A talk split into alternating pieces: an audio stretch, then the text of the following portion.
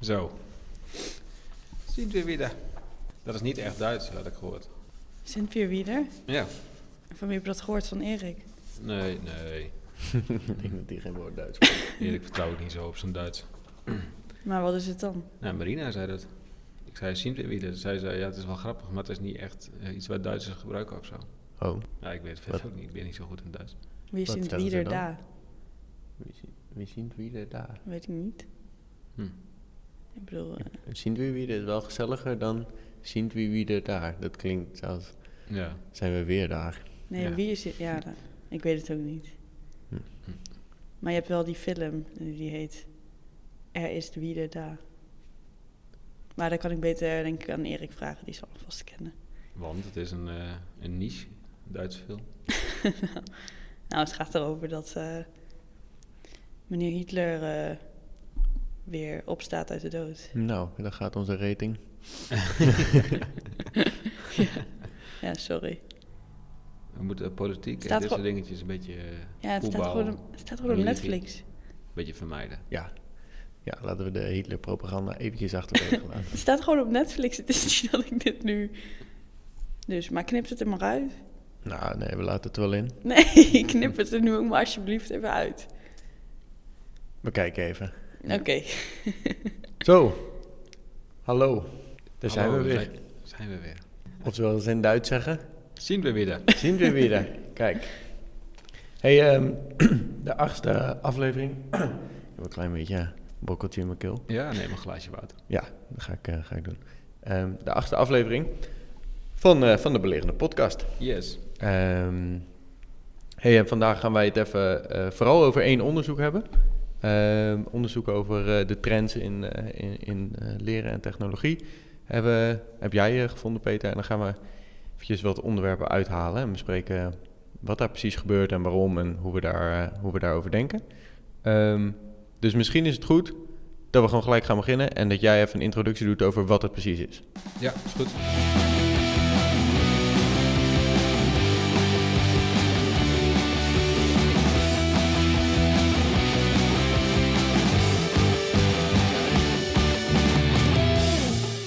Ja, daar zijn we weer.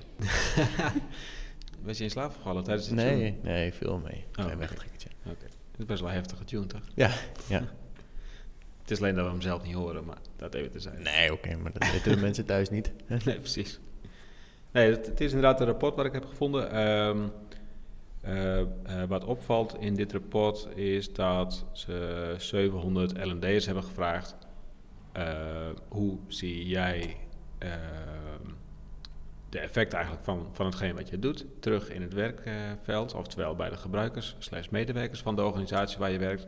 Ah ja? En ze hebben de medewerkers zelf ook gevraagd van wat zijn bij jou de leereffecten als je gebruik maakt van de materialen die je krijgt van de organisatie en of eh, hetgeen wat je gewoon überhaupt gebruikt op de werkplek. Ja. Ehm, eh, dit soort rapporten zijn er best wel veel eigenlijk, denk ik. Ehm, maar ik vond deze wel eh, bijzonder omdat het best wel een negatief beeld geeft. Nee, niet per se een negatief beeld geeft, maar het geeft een, een, een, eh, een groot verschil aan tussen hoe LD eh, tegen dingen aankijkt en hoe de gebruikers het zelf ervaren. Ah ja. En dat viel in, in het bijzonder op in dit rapport. Vandaar dat ik het wel leuk vond om het te, te bespreken. Ja, geinig. Ja. Want dat verschil, zeg maar, is dat op alle vlakken? Dat in effectiviteit van leren en in voorkeuren en dat, het- dat het overal heel erg uit elkaar ligt? Of is het vooral bepaalde dingen? Eh, eigenlijk overal wel. Hm. En dat is best wel, eh, best wel apart. Ehm, je en het, het verbaast mij een beetje. Eigenlijk als ik als je het rapport wat leest, dan zou ik denken... eh, beste, of misschien wel arme L&D'er. Ja. Wat heb jij een, een shitty baan eigenlijk? Omdat ze zelf zo negatief zijn. Ja, ja. Ja. precies. Dus ehm, nou, als je nu bijvoorbeeld kijkt naar... ehm, nou, als je kijkt naar de verschillen, heel erg hoog over. Anders wordt zo'n percentage eh, eh, eh, opsomming. Daar, daar zit niemand op te wachten. Maar je zou kunnen zeggen dat het verschil in antwoorden altijd nou, tussen de 20 en 30 procent bij de L&D'er ligt. Terwijl de gebruiker denkt dat hij hetgene inzet rond de 80 tot 90 procent. Bijvoorbeeld... ehm, eh, breng jij hetgene wat je geleerd hebt in de praktijk? Daarvan zegt de L&D'er, nou, eh, ongeveer rond de 20% denken wij dat hetgene wat de gebruikers eh, leren in de praktijk wordt gebracht. Terwijl de gebruiker zegt, nee, dat is bij mij tussen de 70 80 procent. Ah, ja. Eh, eh, dat, dat hetgeen wat ik leer eh, meeneem naar mijn werkpraktijk.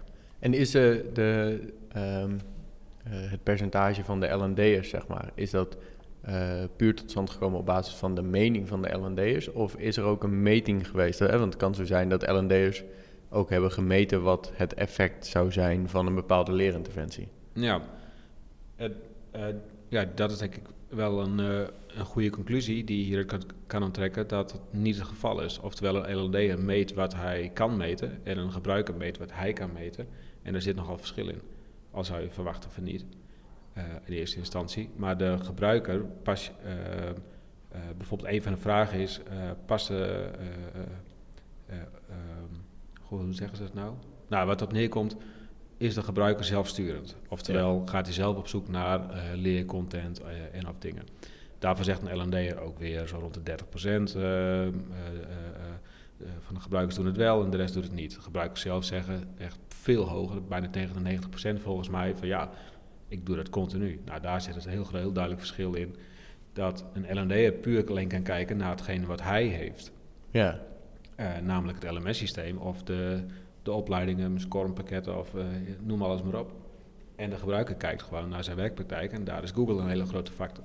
Ja, precies. Maar daar vind ik hem wel logisch. Want eh, als ik zelf een, een bepaalde vraag heb of ik loop ergens tegenaan, dan ga ik ook gewoon zelf googlen en dan kom ik op uit. Zeg maar. de, de, eh, het is een, een droom van veel L&D'ers dat eh, eh, mensen niet naar Google gaan, maar in het LMS gaan zoeken waarschijnlijk naar de content die ze nodig hebben. Maar Ja. de praktijk is dat dat niet zo is. En Nee.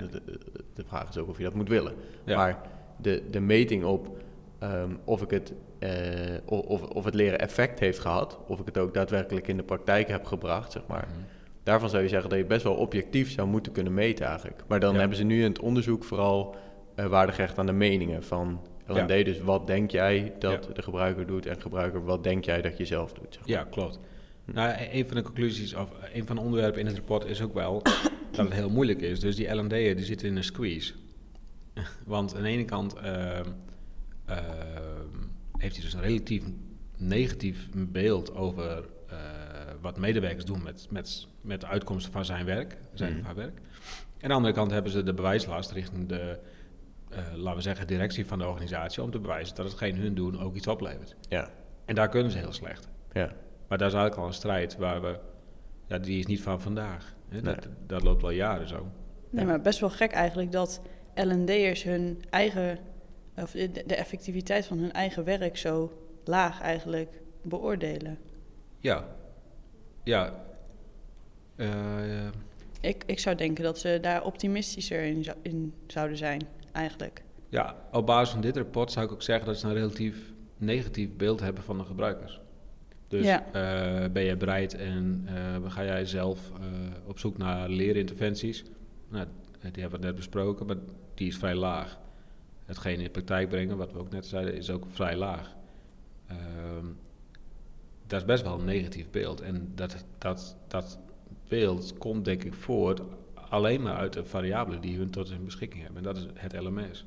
Ja, Maar het komt wel een beetje overeen met hetgeen wat wij ook wel ervaren binnen Hupper.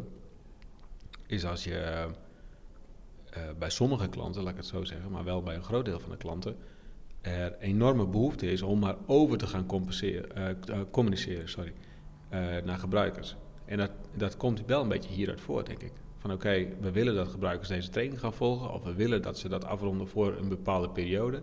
Dus je krijgt vrij forse uitnodigingsmailtjes of eh, update mailtjes met beste gebruikers, deze training moet jij doen. Eh, vrij, vrij veel tekst, soms nog met bijlagen, hoe je dat dan moet doen en zo. Iets waar wij wel een beetje een hekel aan hebben. Omdat ik niet denk dat dat het antwoord is op, op hetgeen wat je wil bereiken. nee. Nee.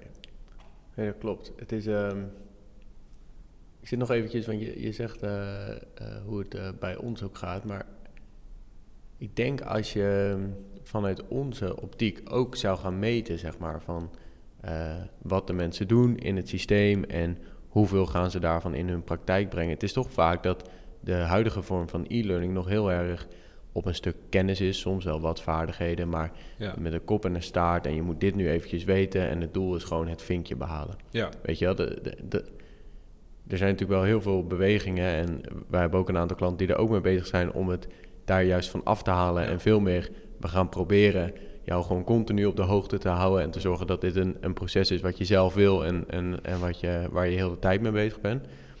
Maar de huidige staat van e-learning is denk ik nog wel heel veel gewoon puur gericht op je moet dit nu eventjes doen. ja, En eh, ik denk dat veel L&D'ers dat ook zo ervaren. ja, Waardoor ze misschien ook wel wat negatiever zijn over wat gebeurt er daarna. ja, En het deel wat een gebruiker zelf leert, eh, namelijk ik ga iets zoeken in Google of, of ik kijk een video of weet ik het wat, dat is vaak veel intrinsieker gemotiveerd. Want ik loop ergens tegenaan en ik wil dit nu gewoon weten, zeg maar. Ja. En het effect daarvan is waarschijnlijk ook veel groter dan iets waarvan is gezegd, jij moet nu dit eventjes weten, want dan heb je je diploma weer behaald. Ja, ja, klopt. Nou ja, ja, helemaal eens. Maar je, eh, als jij een training doorloopt eh, en het resultaat van die training is dat jij een, een groen vinkje in je dossier krijgt, of misschien zelfs nog wel een papiertje eh, voor, voor aan de muur, daar zegt niet zo heel veel, behalve dan dat je dat behaald hebt. Dus als je op die content en op de trainingsact, de leeractiviteiten, als je het breder gaat trekken, dus door het doorlopen van deze leeractiviteit neemt jou een skill toe op eh, communicatievaardigheden, ik noem maar even iets, eh, en je brengt dat ook in beeld als, als leersysteem, dan draagt het voor mij als gebruiker ook al veel meer toe dan Ja. alleen dat vinkje. Ja, zeker. Ja. Dit, dit is maar één klein dingetje waar ik even aan moest denken, maar eh, dan maak je het al veel interessanter ook voor een gebruiker. Ja. Maar het blijft natuurlijk bizar lastig om, om eh, het informele leren, maar daar hebben we het al best wel vaak over gehad, om dat te plotten in een systeem. Het, al hetgeen wat jij leert op Google, dat, eh, je bent al redelijk snel geneigd om dan daar te gaan kijken hoe krijg ik die leerinterventies, Hmm. of hetgeen wat de gebruiker ge- daar doet, eh, geplot in mijn LMS. Nou, dat krijg je gewoon niet. Daar kunnen we heel simpel over zijn. Nee. Ehm, dus je moet ergens anders gaan kijken. En dat is dan toch wel weer op de werkplek. Ja.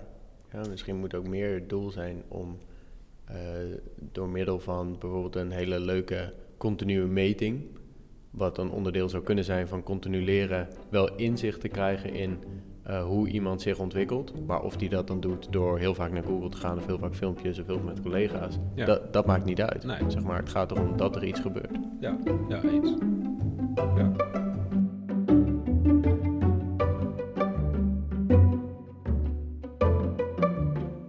Abonneer je op de Belerende Podcast in je favoriete podcast-app en mis nooit meer een aflevering.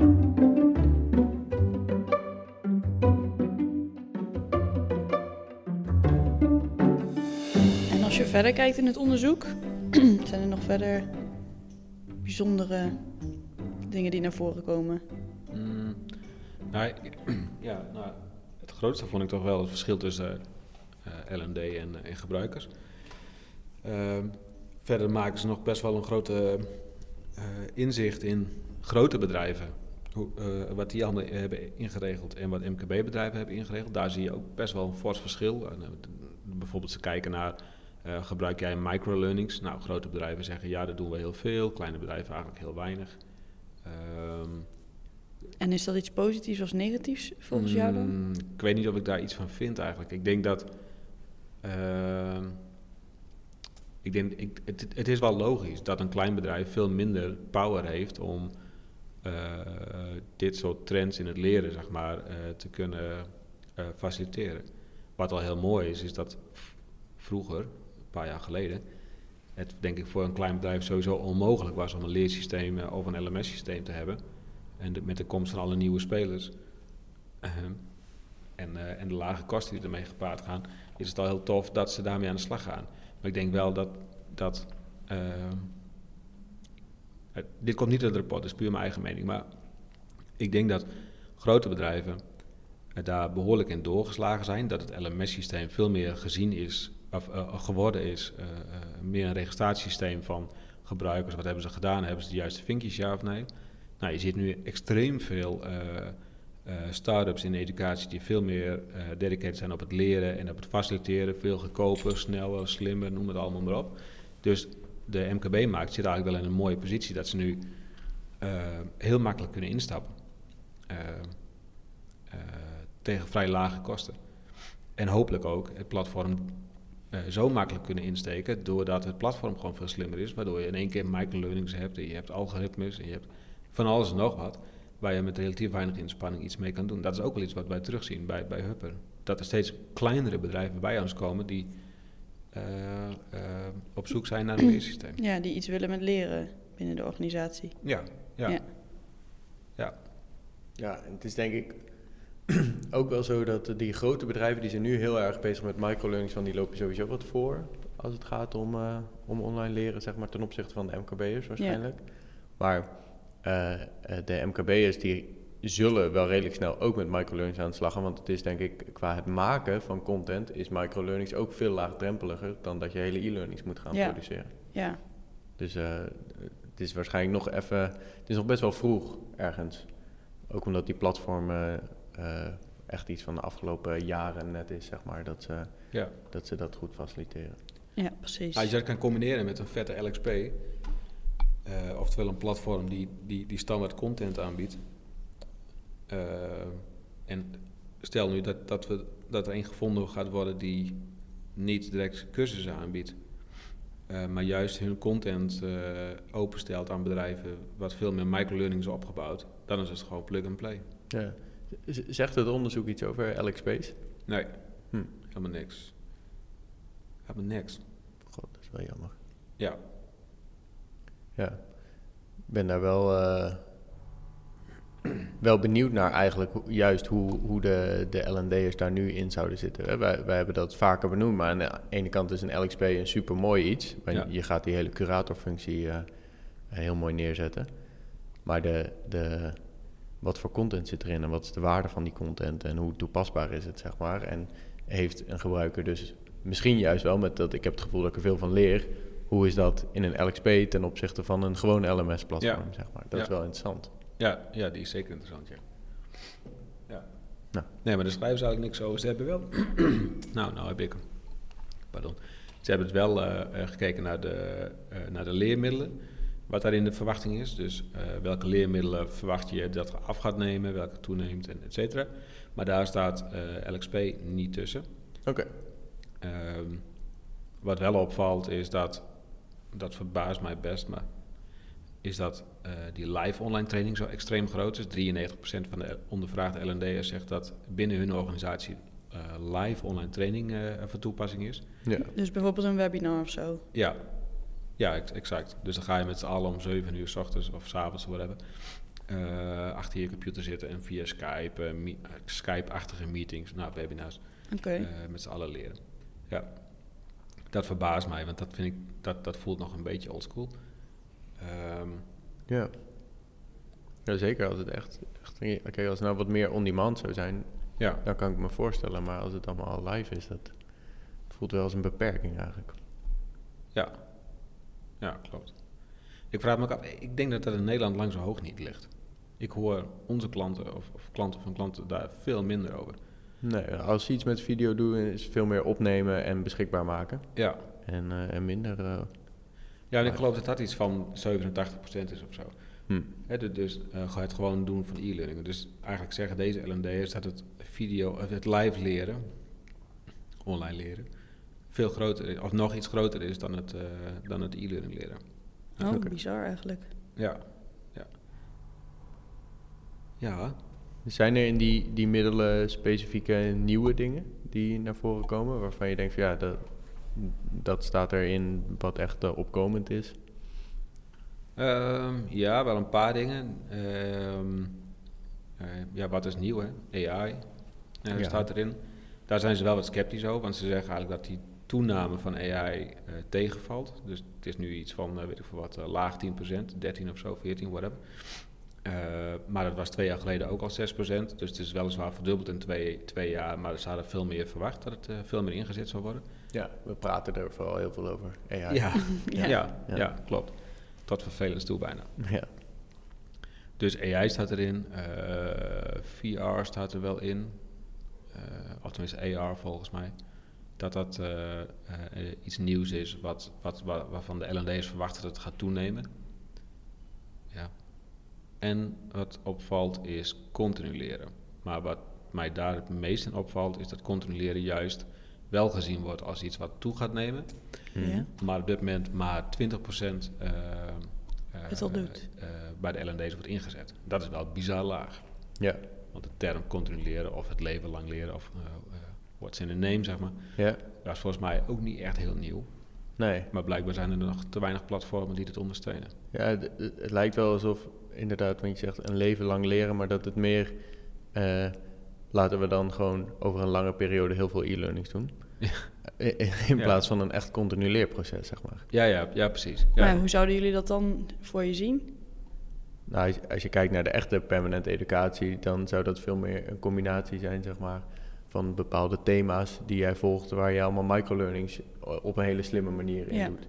En, en wat minder eh, het feit dat je drie keer een e-learning doet in een jaar, zeg maar. Nee. En dat je dan zegt, ik ben continu aan het leren. Dat, dat is wel, maar je bent niet continu bezig om bepaalde dingen op, eh, op niveau te krijgen. Nee, echt meer kleinere aspecten van...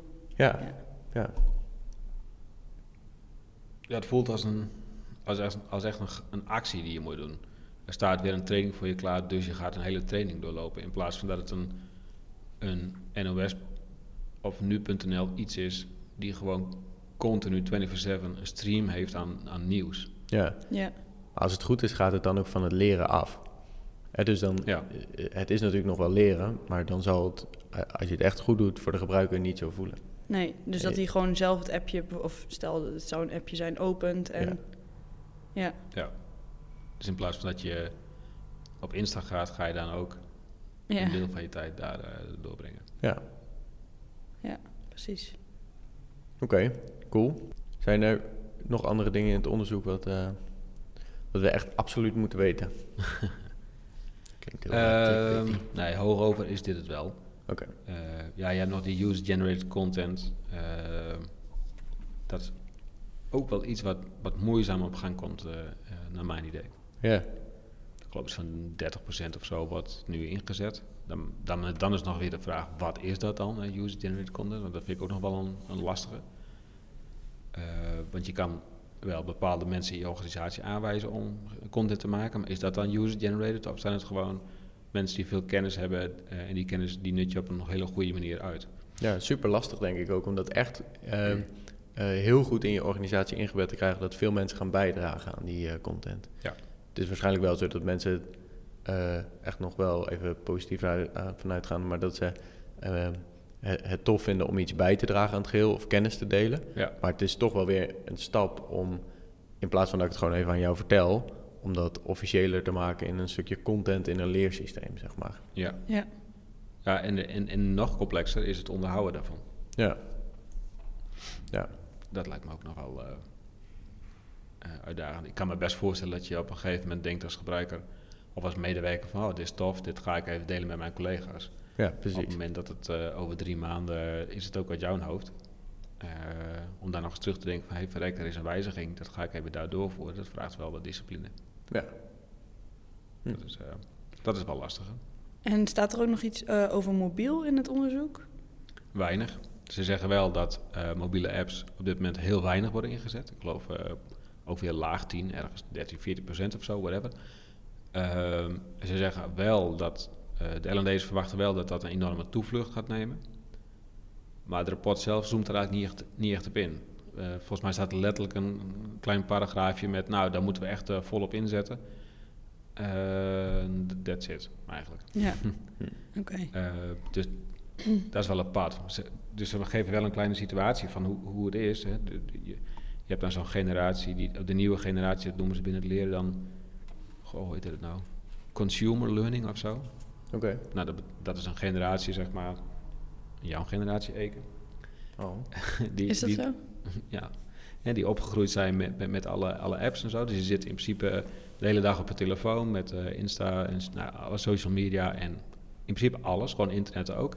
Nou, dat beschrijven ze wel in, in, het, eh, in het rapport, dat het, dat het proces gaande is. Maar goed, dat is op zich niks nieuws. En dat die generatie wel graag zou willen leren via een app, want dat past veel meer organisch in hun dagelijkse workflow, om het even zo te zeggen. Ja, Ehm, maar er staan geen eh, eh, eh, er is geen casuïstiek of zo benoemd waarin dat dan helemaal onderzocht is of het ook daadwerkelijk goed werkt of, ja, of ingezet wordt. Oké, Dus het staat kort benoemd, maar dat was het niet uitgebreid. De rapport is ook, eindigt ook wel een beetje in een, in een commercieel tintje. Eh, het is namelijk een, de gegevens zijn wel eh, onafhankelijk verzameld, maar het rapport is eh, eh, mede gefinancierd door een commerciële club. Waarschijnlijk heeft die club geen app. Ah, Oh, ja. ja. Ja. En eh, als je zelf kijkt naar, naar mobiel leren, wat, wat verwacht je zelf dat er dan de ontwikkelingen van zijn, of jullie? Nou ja, volgens mij wat jij net ook zegt, Peter. eh, dat, eh, je wil eigenlijk het leren zo dicht mogelijk bij het normale houden. Dus iets wat iemand de hele dag doet. Ja, Eh, het leren moet niet een, eh, een, een heel apart proces worden, want dat is een extra drempel. Dus eh, er gebeurt nou heel veel op mobiel. ja, Dus dan wil je het liefste ook dat het leren daar ook een, eh, een rol in heeft. En dat dat, eh, dat het eigenlijk in dezelfde flow een beetje mee kan. Ik denk dat wat nu nog heel lastig is bij, bij veel eh, leersystemen, is dat het echt een leersysteem is. Daar, daar zie je best wel een, een groot verschil tussen. ehm, als je bijvoorbeeld kijkt naar de talen-appjes of de leer-appjes voor kinderen.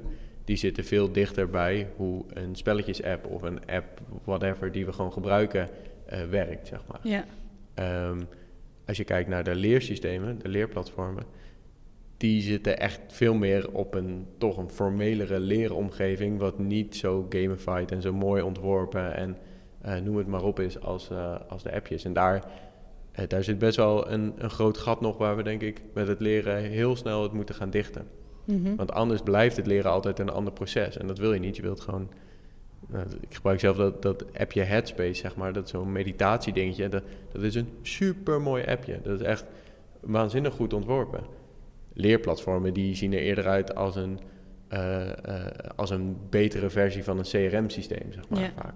En, en daar wil je dat, dat gat wil je heel erg eh, dichten. En da- dus design en eh, interactiedesign en dat soort dingen, dat zal steeds belangrijker worden om te zorgen dat het dicht bij de flow komt. En de app is voor nu het kanaal. Ik denk wel dat dat, dat kan over tien jaar weer heel anders zijn. Ik, weet, ik weet niet Ja. hoe dat zich gaat eh, evolueren, maar voor nu is de app het kanaal. Ja, de werkvormen zijn ook best wel, of leerwerkvormen zijn heel lastig te plotten in een app. Of lastig, het is anders, je moet anders denken. Ja, Dat hadden wij met onze app ook. Eh we hadden zo'n combinatievraag waarin je in de webversie pak je een tegeltje op en die sleep je achter het juiste antwoord. Ehm, en in de app is dat veel lastiger, want dan kan je dat niet zomaar oppakken.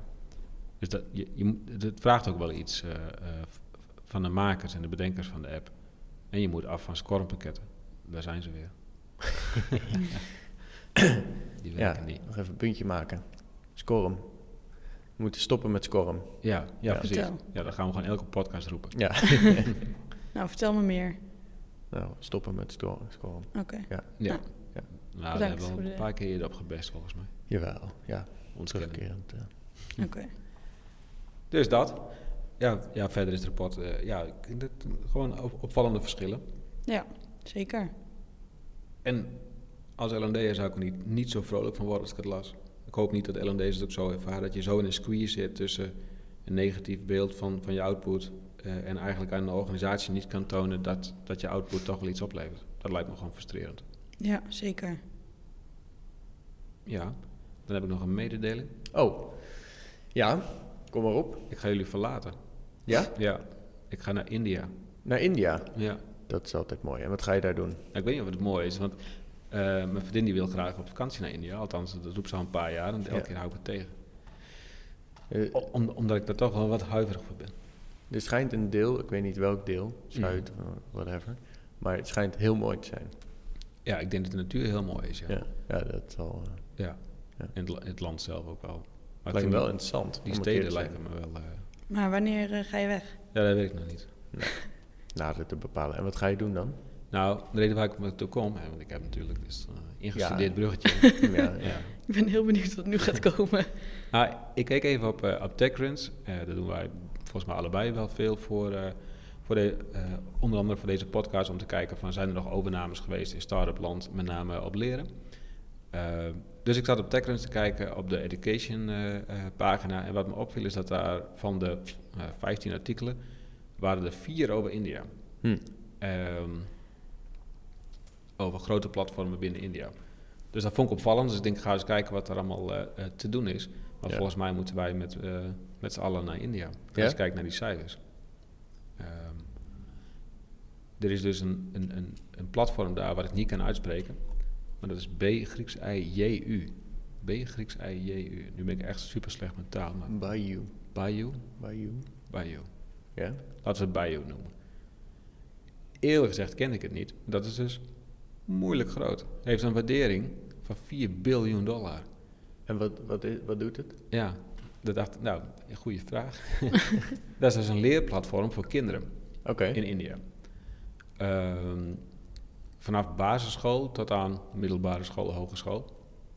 Kan je dus daar dus leerprogramma's kopen. Ik heb het idee dat India een soort vast regime heeft, net als Nederland natuurlijk. eh, van deze vakken ga je krijgen, zeg maar. Het is eigenlijk een soort Khan Academy. Ja? Alleen dan eh, eh, voor, voor India. En heel veel video's. Ziet er heel flitsend uit allemaal. Hoge productiewaarde. Eh, ik geloof, even uit mijn hoofd hoor, iets van 32 miljoen gebruikers. Oké. Ehm, eh, en dat komt, heb ik even uitgezocht. India heeft de grootste populatie mensen tussen de, ter wereld tussen de 5 en de 24 jaar. Ah ja. Dus die markt is echt booming. Zo. Wat vet, joh. Ehm, Maar het is een mooi, mooi platform. Goed platform. wat je ja, het is een mooi platform. Ja, wel een beetje apart. De twee dingen eh, verbazen mij. A, het ziet er gewoon mooi uit. Wel een beetje uit zoals India is. En daarmee dat wil ik zeggen, het is, heeft een hoog Bollywood gehalte. Eh, Dus Mhm. de acteurs zijn echt wel, nou ja, zoals je ze kent van de meeste Bollywood eh, films. Ja. De, de filmpjes zijn heel flitsend, maar ook wel een beetje Veel goud. Veel goud. Ja. Ja. ja. En dan je ziet een kindje leren met een iPad en een heel mooi huis. En pa die is, eh, het, eh, ja, die is volgens mij een andere gouden theepot aan het oppoetsen of zo. Oh ja. Ja, ja. het zal wel bijdragen aan het verhaal. Maar. Ja. Ehm, het, het ziet er echt heel vet uit. Volgens mij is de content die ze aanbieden eh, echt enorm. Iets van 50.000 eh, eh, eh, eh, leerelementen of content dingen. Mega groot. Maar die hebben dus nu weer 200 miljoen dollar investering gekregen, worden gewaardeerd op 4 biljoen. Dan heb je nog een andere eh, variant, eh, Udemy of U Academy. U Academy, zoiets. Die zijn begonnen als YouTube-kanaal en die maken daar nu ook een platform van. Een Hmm. beetje hetzelfde verhaal, die worden ook enorm eh, veel gebruikt. Is dus een concurrent van Bayou. Al zijn ze volgens mij stiekem op de achterkant aan het flirten als je die investeringsartikelen wat leest. Oké. Dus misschien gaat het wel samen. Maar gewoon extreem groot. Extreem grote markt. Ehm, dus toen dacht ik, van, hoe zit het dan met het normale leren? En ga ik eens kijken in India en dan zie je dat ze eh, in 2021 verwachten ze een totale investering in het land India in online leren van 9,6 biljoen eh, dollar. Holy shit. Dat is wel veel. Dat is Ja, heel dat is veel ja. Hm? Dat is echt veel. Ja, het is echt heel veel, ja. Ehm, ja.